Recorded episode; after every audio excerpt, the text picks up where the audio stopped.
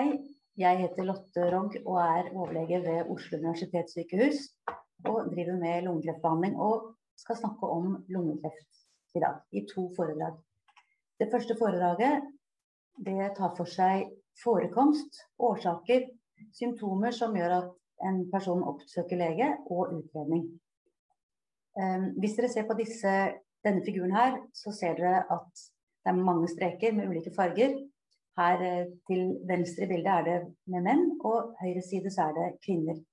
Og da er det en, en eh, farge som skiller seg ut, det er de gule, hvor det er eh, magesekkreft som har hatt en kraftig fall. Mens for øvrig så har de aller fleste kreftformene fra 1960 og fram til i dag hatt en stigende tendens. Um, og hvis vi ser på denne grå linja her, så er det eh, linja som representerer lungekreft. Da ser vi at til å begynne med har det vært en ganske kraftig stigning for menn. Så har det flatet ut sånn på 80-tallet omtrent, til faktisk de siste fem-ti årene å ha en nedadgående kurve for færre nye lungekrefttilfeller. Hvis vi derimot ser på kvinner, så er det en eh, grønn linje som starter lavt nede, og som har hatt en ganske bratt og jevn stigning helt fram til de siste kanskje 20 årene, hvor det er en avflatning. Men fortsatt så er det altså en økning i antall lungekrefttilfeller blant kvinner. Hvis vi ser på tallene, så kan vi se at i 2019 var det 3320 mennesker som fikk lungekreft. Ganske nøyaktig like mange kvinner og menn. Mens det året før var 2200 som døde av lungekreft. Litt flere menn enn kvinner. Det er flere årsaker til lungekreft, og jeg tror alle vet om risikoen forbundet med røyking. Men i tillegg så kan man få lungekreftutvikling av eh, luftforurensning. Eh, gasser sånn som radon, asbest eller andre stoffer fra industrien. Det er noen få tilfeller med arvelig lungekreft, men det er ikke særlig vanlig. Passiv røyking er også en eh, årsak, og i tillegg i økende grad dette med mutasjoner som årsak til eh, lungekreft. Men røyking er fortsatt den viktigste årsaken til lungekreftutvikling. Og det som eh, er veldig fint å se da, er at vi ser en reduksjon i antall dagligrøykere. Her ser dere at fra, for de unge, 16 til 24 år, så har det altså vært et fall de siste ti årene fra 12% dagligrøykere til 1% som røyker daglig. Og for befolkningen som helhet fra 18 til 9% på de ti årene. Og det er veldig gunstig, fordi røyking er den største enkeltrisikofaktoren for tapte leveår i Norge. Til sammenligning dør det ca. 100 personer eh, per år av trafikkulykker. Og 20% av de dødsfallene som skjer hos folk under 70 år, skyldes røykerelaterte sykdommer. Hva er det så som gjør at man oppsøker lege? De vanligste tegnene på lungekreft er tungpustethet, hoste, blodig oppspytt.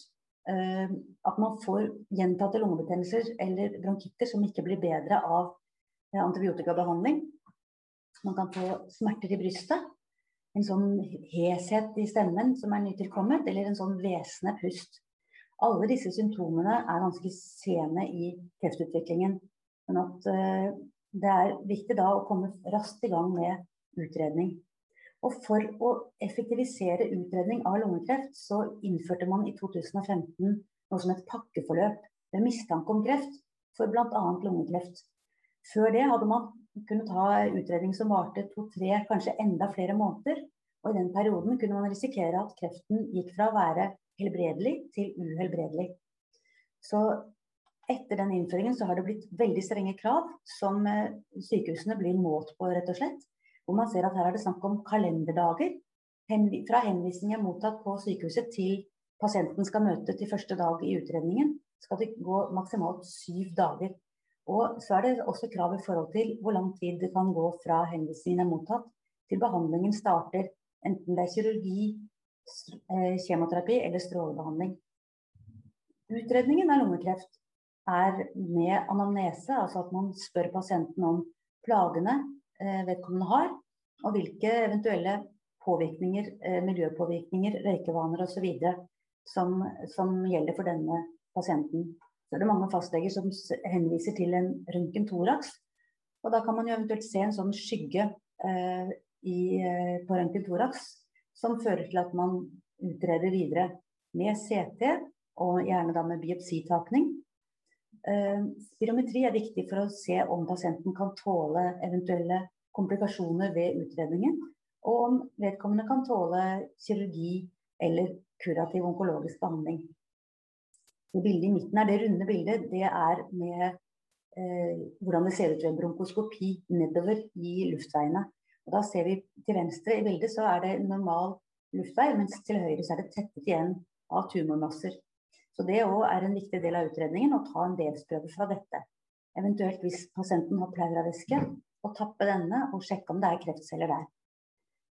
I sentralt i brystet så, så, er det et område som kalles mediastinum, og der er det lymfeknuter. Og de kan man nå ved EBUS ved å ta, prøve gjennom slimhinnene i luftveiene og se om det er eh, kreft i de lymfeknutene. Ellers er PET en veldig effektiv og grei måte å kartlegge utbredelse av kreften. Her ser dere kanskje en sånn stor rund, rund ring helt oppe på eh, på høyre, i høyre lunge. Men man kan også se om pasienten har metastaser rundt omkring. Det eneste man ikke kan se så godt, er hvis pasienten har hjernemetastaser. For det syns ikke på MR, rett og slett. Men på PET, så derfor så må man også ta en MR som en del av utredningen før man skal helbredes. Så finner man kanskje at pasienten har lungekreft. Og lungekreft det deles opp egentlig i to hovedgrupper. Småcellet lungekreft, 15-20% av tilfellene og resten ikke småcellet lungekreft. 80-85% av tilfellene er det. Og Vi deler opp i dette fordi småcellet er mer hissig og sprer seg raskere og har litt annen behandling enn de andre. Av disse andre så er det adenokarsinomene som er aller vanligst. Um, I tillegg til å se hva slags type kreftceller det er, så skal utredningen påvise hvor utbredt sykdommen er. Er det i et tidlig stadium med bare eh, svulst i lungen, har det kanskje blitt noe lymfeknutespredning, eventuelt mye lymfeknutespredning.